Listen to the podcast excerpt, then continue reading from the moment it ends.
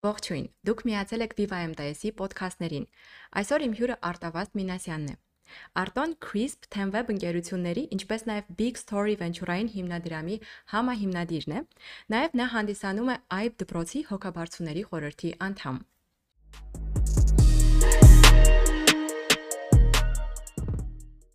Արտո ջան, ողջույն նորից։ Արև ձեզ։ Ինչպե՞ս ես։ Հրաշալի դուք։ Շատ լավ, շնորհակալ եմ։ Արտո, ինչպես ես ես ամեն ինչը հասցրել։ Շատ բարդ հարցով սկսեցիք մի անգամից։ Սրանից 6 տարի առաջ միաժամանակ մի քանի օրվա տարբերությամբ հիմնադրվեցին Crisp Web ընկերությունները ու անցած տարի նաև սկսեցինք Big Story venture-ային ֆոնդը։ Ասում դες որ իմ տեսանկյունից միաժամանակ 3 բիզնեսում ներգրավվածները այդքան էլ լավ միտ չի, բայց դե կյանքը այդպես է դասավորվել ու հուսով եմ որ երեքում էլ կհաջողեմ։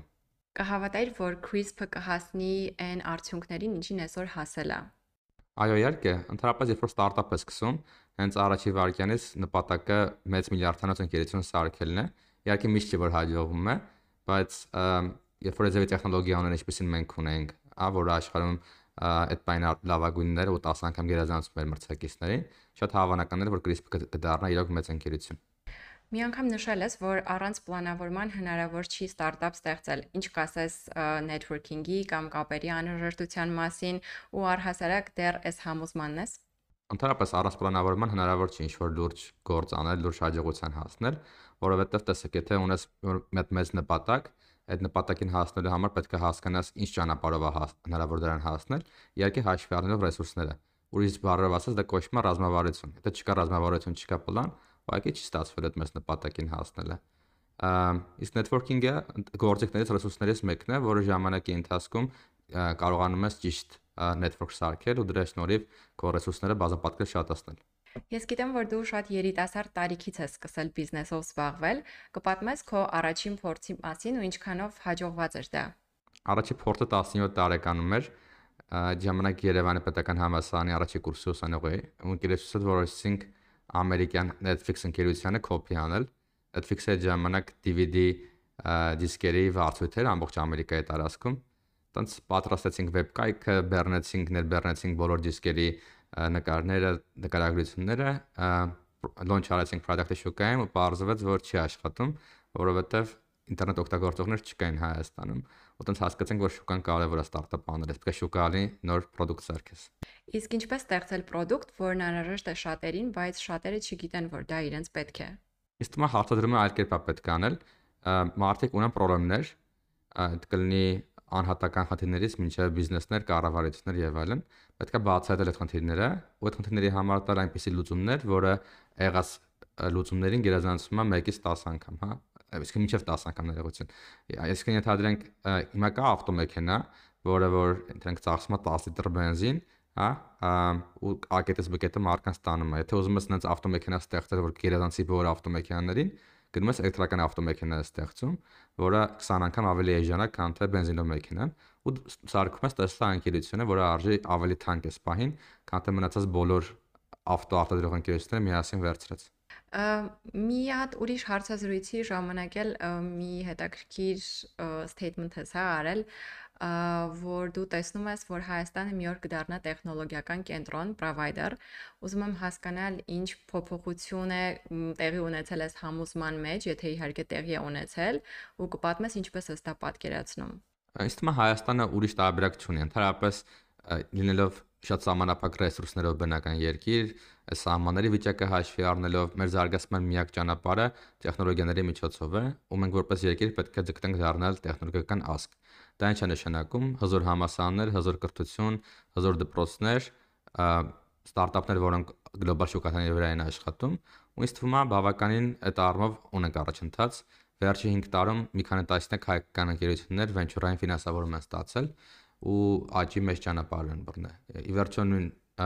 Pixar-ը դարձավ unicorn, CRISP-ը այդ ճանապարհին է service title-ը ընդհանրապես 10 միլիարդանոց ընկերություն է։ Այսինքն եթե դնենք նպատակ ու ազգովի աշխատանք այդ ուղղությամբ, կարծում եմ, որ Հայաստանը բոլոր շանսեր ունի դառնալու տեխնոլոգիական մեծ երկիր։ Իսկ կան մարտահրավերներ, որոնք կուզեիր առանձնացնել։ Իհարկե, 3 մարտահրավեր կա։ Առաջինը կրթության որակն է, սկսած դպրոցից, իսկ ասեմ նույնիսկ մանկապարտեզից մինչև համալսարաններ կրթության առումով կարծում եմ, որ մենք բավական հետընկած ենք աշխարհի առաջատար երկրներից, բայց լավ այն է, որ ինտերնետի օգնությամբ այդ բացը կարելի է հեշտությամբ լրացնել։ Երկրորդ մարտարավերը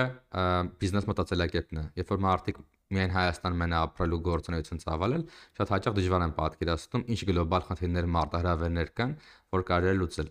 Ու երրորդը հենց հիմնադիրներն են, եթե լինեն հազար հիմնադիրներ, որոնք որ պատրաստ են խոշոր ընկերություններ ստեղծել համաշխարհային մակարդակի, ապա կգտնվեն ռեսուրսներ ու մարդիկ, ովքեր կհավատան ու այդ կօգնեն այդ ճանապարհին։ Հիմա օրինակ մեր venture-ային ֆոնդի համար մեկ մարտահրավերը գտնել այնպիսի հայ հիմնադիրներ, որոնք իրոք ունակ են ունեն ցանկություն գլոբալ ընկերություն կառուցելու։ Իսկ արդյոք այս պահին դա մեր ամենամեծ մարտահրավերներից մեկն է։ Քանի որ խոսեցիր արդեն, կպատմես մի փոքր Big Story VC-ի մասին, հա, venture-ային ֆոնդի մասին։ Ձեր պորտֆոլիոյում մոտավոր 10 ընկերություն արդեն կա։ Շատ հետաքրքիր է, ո՞նց եք սկսել, ո՞նց որոշեցիք ու ինչ նպատակ ունեք։ Big Story venture-ային ֆոնդը անցած տարի է ստեղծվել, 10 միլիոն դոլարանոց ֆոնդ է։ Մեր առաքելությունն է օգնել հզոր հայ հիմնադիրներին կառուցելու գլոբալ ընկերություններ։ Մի տարվա ընթացքում 11 ներդրում են կատարել ու բացի գումարից, որը որ ներդրում ենք կատարում ընկերություններում, նաև օգնում ենք ճիշտ ռազմավարություն կառուցել, ճիշտ networking անել ու ի վերջո օգնում ենք ստարտափներին, այսպես ասած, ավարտել այդ նախասահմանային սահմանային փուլը ու անցնել հաջորդ փուլեր ու միջազգային ներդրողներից գումարներ ներգրավել ու մեր ամբողջ պորտֆոլիոն այդ ուղղությամբ շատ լավ աշխատում է հուսով եմ մի տարի հետո լրիվ այլ իրավիճակ կունենանք Իսկ ինչ անել, եթե ըստ քեզ դու ունես հրաշալի գաղափար ու շատ մեծ պոտենցիալ, բայց ուղղակի չի ստացվում ցախողում ես։ Ես իմ մտքում ունեմ մի հատ ճանապարհ, որ տենց շատերին խորհուրդ եմ տալի, այդ ճանապարհը գնալ աշխատել լավ ընկերություններում, գլոբալ ընկերություններում, եթե դրսում եք Google-ում, Amazon-ում, Facebook-ում ու խոշոր ստարտափներում, եթե Հայաստանում եք, ելի կան լավ ընկերություններ, նույն Pixar-ը, CRISPR-ը եւ այլն, այնտեղ սովորեք ռեալ ինչպես են մեծ ընկերություն կառուցում, տեսեք մեջ մեջից, բացահայտեք խնդիրներ ու նոր գնացեք ձերը ստեղծեք։ Այդ հիմնական ճանապարհն է, որ երևի 90% դեպքերում կիրառելի է։ Իսկ այն մյուս 10% դեպքերում պետքա մակարելով, փշերը մակրելով դեպի աստղեր ճանապարհ բացես ու ու տասնյակ ցախողումներ ես ունենում մինչև գալիս ես հաջողությանը։ Ես ինքս մինչև CRISPR հիմնադրելը, համահիմնադրելը երևի մի տասնյակից ավել ցախողումներ եմ ունեցել ու միլիոնավոր դոլարներ եմ կորցրել այդ ճանապարհ։ Հետաքրքիր է, կպատմես ինչ որ տենց շատ հետաքրքիր դեպք, որը հիշում ես, որը որ քո համար իսկապես շատ մեծ կյանքի դաս ա եղել ու ամեն անգամ երբ որ ինչ որ դժվարության մարտահրավերի առաջ ես կանգնում, ինչ որ ձև դա հիշում ես դրական իմաստով թե բացասական։ Ամ եւ դրական եւ բացասական, բացասական, որովհետեւ վերջի վերջո ցախողում ա եղել եւ դրական, որովհետեւ ինչ որ շատ կարեւոր բան ա քեզ սովորացրել, որը միջի օրս դու հիշում ես։ Ամենամեծ ցախողումը եղել է իմ առաջին ստարտափը, Սիկերների պլատֆորմա էր, կոչվում էր Sticker Market։ Այդ պլատֆորմայի վրա ծախսեցի իմ անձնական 7 տարվա կൂട്ടակաց մոտ 5 միլիոն դոլարը բոլոր խնայողությունները, ինչպես նաև ընկերոջս կողմից ներդրված 50000 դոլարը, ու վերջում ուղղակի ունեցա 0 արդյունք, բայց մի հատ ձեռբերում ունեցա, որ հասկացա, որ այդպես պետք չի ստարտափ սարքել։ Այնտեղ մի հատ միտք ունեի, որ չպետք է ուրիշներին բաժնեմաս տամ ընկերությունից, այդ հիմար մտքերից մեկն է, ու երկրորդն էլ այդ ճանապարհը ինչպես է պետք մեծ ընկերություն սարքել, համար լրիվ մոտ անտառ էր, ու եթե չանեի, չէ հասկանա, որ այդպես պետք չի անել։ Իսկ ում հետ ես հիմնականում աշխատում։ Բոլորը գործընկերներ են, թե կան նաև ընկերներ, հարազատներ։ Այդ առումով բախտը շատ բերել է շատ ընկերներ ու հարազատներ մեր ընկերություններում ներգրաված են որպես համահիմնադիրներ, աշխատակիցներ, առաջատար մասնագետներ ու ովքեր էլ որ միանում են որպես աշխատակից, շատ կարճ ժամանակում դառնում են ընկեր, ում հետ որ լավ հարաբերություններ ունես ու միասին աշխատում ու մեծ արդյունք է ստեղծում։ Ընկերների հետ բիզնես անելը դժվար չի։ Շատ հեշտ է, եթե կա ընդհանուր արժեքային համակարգ, հստակ աշխատանքային սկզբունքներ, եւ նաեւ առաքելություն թե ինչի շուրջ եք հավաքված։ Այդ ամեն ինչը հստակ սահմանած է, բոլորը կիսում են դա, իրոք կիսում են ու հավատում ես, որ բոլորը գալիս են իրենց լավագույն մտադրություններով աշխատանքի, ապա շատ հեշտ է։ Ես երբևէ խնդիր չեմ ունեցել գործընկերների կամ ընկերների հետ աշխատանքային որևէ կոնֆլիկտ, որպես այդպես չի եղել։ Արտո իսկ ստարտափներում որոշում կայացնելու process-ը, հա, շղթան ո՞նց է առհասարակ կազմավորվում, կազմակերպվում ու իրականացվում։ կան տարբեր մակարդակի որոշումներ, կան բիզնես ստրատեգիկ ռազմավարական որոշումներ, որոնք հիմնականում ստարտափների հիմնադիրներն են կայացնում կամ բորդը կամ տնօրենները։ Այդ դեպքում պետք է բաց լինել, փորձել նաև գտնել աշխարհում արդեն այլ հաջողված օրինակներ ունեցող մարդկանց, իրանց ներգրավել որպես խորհրդատուներ ու ուրիշների փորձը ու քո դեպքը հաշվի առնելով փորձել գալ լավագույն լուծման ու շատ արագ է դա պետք անել, որտեղ ունես կարճ ժամանակ ու քիչ ինֆորմացիա, բայց այն ստարտափները, որ կարողանում են այդ որոշում կայացնել, ճիշտ անեն ու արագ, իրանք շահում են։ Իսկ որ շատ են սխալվում, վերջում ուղղակի փակվում են։ Իսկ ինչ երազանք կամ նպատակ ունես։ Մեծ երազանք Հայաստանը շատ ավելի հզոր տեսնելու ու այդ երազանքի ենթաերազանքներ կան, որոնցից մեկը օրինակ շատ կուզենայի, որ այո դպրոցի նման դպրոցներ Հայաստանում ամենուր լինեին, գոնե եւս մի 10 այո դպրոց լիներ։ Երևի ենթաերազանքներից մեկն է։ Իսկ շատ ես կարդում գրքեր։ Բավականին դա աշխատանքի բերումով անընդհատ սովորելու իրավիճակում ես, անընդհատ նոր բաներ ես սովորում, նոր գրքեր ես կարդում, նոր կուրսեր ես անցնում, նոր մարկետինգ սաունոթնում, ովքեր նոր բաներ են սովորացնում։ Այդ ամեն ինչը ոչ միայն պետք է կարդալ ու սովորել, որը շատ կարևոր է իհարկե, բայց ավելի կարևորը կիրառել ու նոր արդյունք, նոր բան ստեղծագործել ու տեղա երևի հիմնադիրը հիմնադրի ուժեղությունը այդտեղ է երևում, թե ինչքան արագ ես կարողանում սովորել ու կիրառել սովորածը։ Իսկ կան ինչ որ գրքեր, որոնք կուզես կիսել կամ բարձրացնել։ Շատ գրքեր կան, փորձեմ մի քանիսը հիշել, կախված իհարկե հիմնադիրը թե իր կյանքի որ ստադիայում է գտնվում։ Կան այդ բիզնեսի հայտնի մի, մի շարք գրքերը, հա, Crossing the Chasm, Innovator's Dilemma, Zero to One, Peter Thiel-ի, ու այդպես շարունակ Եթե ուղղակի գնաք ChatGPT-ին կամ Google-ին հարցնեք, որոնք են լավագույն 10 ստարտափ գրքերը, ինձ թվում է շատ ավելի լավ կպատասխանի։ ու ինձ թվում է բոլորն է ոնց որ կլասիկ գրականություն է, էլի պետք է ոնց որ եթե ուզում ես դառնալ գրող, պետք է Պուշկինին իմանալ եւ Թումանյանին եւ Շեքսպիրին,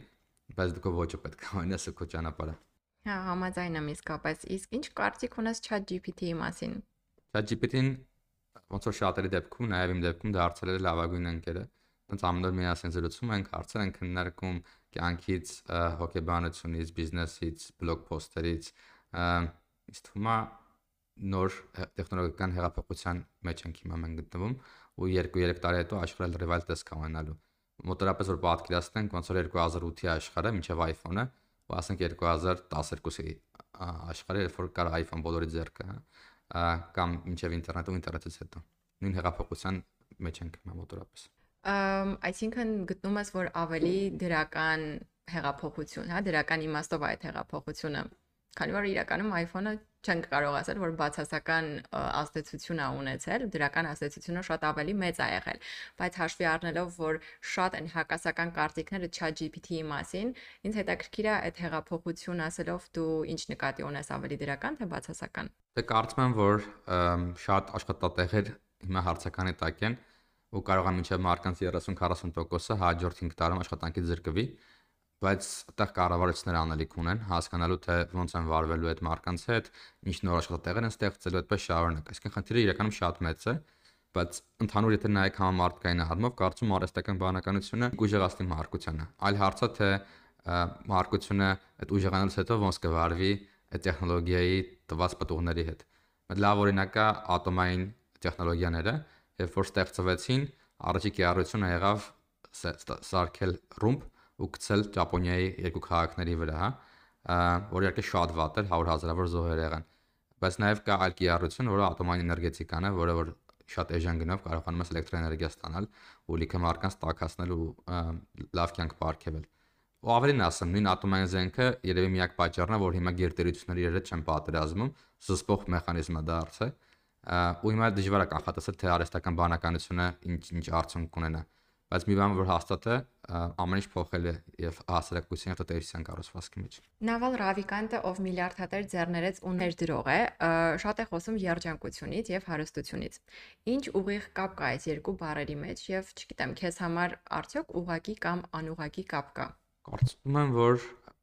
մի հատ մակարդակ կա եթե փորձենք ասենք Մասլոյի բուրգի ձևով նայել գումարի մի հատ չափ կա, որ յուրաքանչյուր մարդուն անհրաժեշտ է իր կարիքները հոգալու համար։ Եթե դա չկա, շատ դժվար է ժամանակ երջանիկ գտնել։ Իհարկե կան բացառություններ մարդիկ, որ կարողանում են դա անել, բայց հիմնականում այդ անհրաժեշտ իրերը ու պարագաները, նյութական իրերը քեզ պետք են կյանքում ու դրա համար գումար է անհրաժեշտ։ Բայց երբ որ այդ սահմանը անցնում ես, այդ սահմանը Ամերիկայում երևի տարեկան մոտ 120000 դոլարն է ու դրա 1/3-ը ընդհանրում Հայաստան։ Դրանից ավել երջանկությունը փողը կապ չունեն իրար հետ։ Փողը ուղղակի դարձում կամ հարստությունը գործիք է քո նպատակները իրագործելու համար իսկ երջանկությունը քո մտավոր իրավիճակն է, թե ինչպես ես կյանք անցալում, ինչպես ես վայելում ամեն րոպեն վայրկյանը քո ընկերների, հարազատների եւ մտերիմների հետ մեկտեղ։ Գիտեմ, որ դու շատ-շատ ես հանդիպում երիտասարդներին, հա, հայ երիտասարդներին, կիսվում ես քո փորձով, խորհուրդներ ես տալիս, կա այնպիսի մի բան, որ միշտ առանձնացնում ես, որովհետև դա ամենից շատն ես կարևորում։ Դե տարբեր խմբերի հետ եմ հանդիպում, մարդիկ, ովքեր ուզում են դառնալ ծրագրավորող, մարդիկ, որ ուզում են դառնալ հիմնադիր ձեռներեց, մարդիկ, որ ուղակի դպրոցում են սովորում շատ տարբեր երիտասարդների հետ։ Մի բան, որ ինձ թվում է ունիվերսալ է բոլորի համար, ու հատկապես ChatGPT-ի հետ գալուց հետո, որ պետք է օրոգիշեր սովորել, ցեք ակնհայտ բան եմ երևի ասում, բայց մարդիկ այդ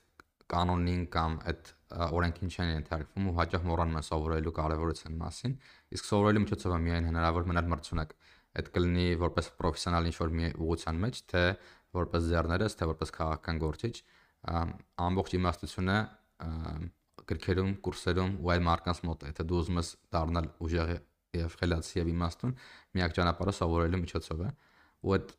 վիճակը պետքա անընդհատ լինի ամեն օր ու ամենտեղ։ Այդ իսկ թվում երևի ամենակարևոր խորհուրդն է, որ կուզենայի որ մարդիկ ոնց որ հատկապես երիտասարդները վերցնեն ու կիրառեն։ Իսկ ինչ կարծիք ունես հակասությունների մասին կապված ֆորմալ եւ ոչ ֆորմալ կրթության։ Կարծում եմ, որ ֆորմալ կրթությունը շատ կարևոր է, որովհետեւ համակարգային ամբողջ հասարակությանն է կրթում, բայց երևի ինչ որ մի հատ level կա, որ երբ որ մարդը հասնում է, որ արդեն սովորում է սովորել, դրանից հետո ոչ ֆորմալ կրթությամբ հնարավոր է ինքնակրթվելով ոչ ֆորմալ համակ ինչ որ տարբեր կուրսեր անցնելով զարգանալ այնքան, որ դառնալ ինչ որ ուղղության մասնագետ այդ առումով կարծում եմ, որ երկուսն էլ անհրաժեշտ են հասարակությանը, որտեղ առաջինը կարևոր է համակարգային մակարդակ բարձրացնելու համար հասարակության, իսկ ոչ ֆորմալը կարևոր է ուղղակի արագ ճկուն ու որակյալ գիտելիքը տեղ հասնելու նպատակով։ Արտո CRISP-ը շատ-շատ մեծ հաջողությունների է հասել ու դա ոչ միայն ձեր հպարտությունն է, այլև մեր հպարտությունն է, մեր երկրի հպարտությունն է կան ինչ որ մեծ պլաններ հետագայում, ապագայում հենց CRISP-ի հետ կապված, ո՞նց եք պատկերացնում։ Ա կարծում եմ CRISP-ը շատ-շատ մեծ պոտենցիալ ունի դառնալու երևի 100 անգամ ավելի խոշոր ընկերություն։ Այս ամիս նոր CRISP 2.0 տարբերակն ենք թողարկում, որը արհեստական բանականության միջոցով on-line meeting-ները, հա, ասենք Zoom meeting-ները հնարավորություն է տալու transcription գեներացնել ու դրա վրա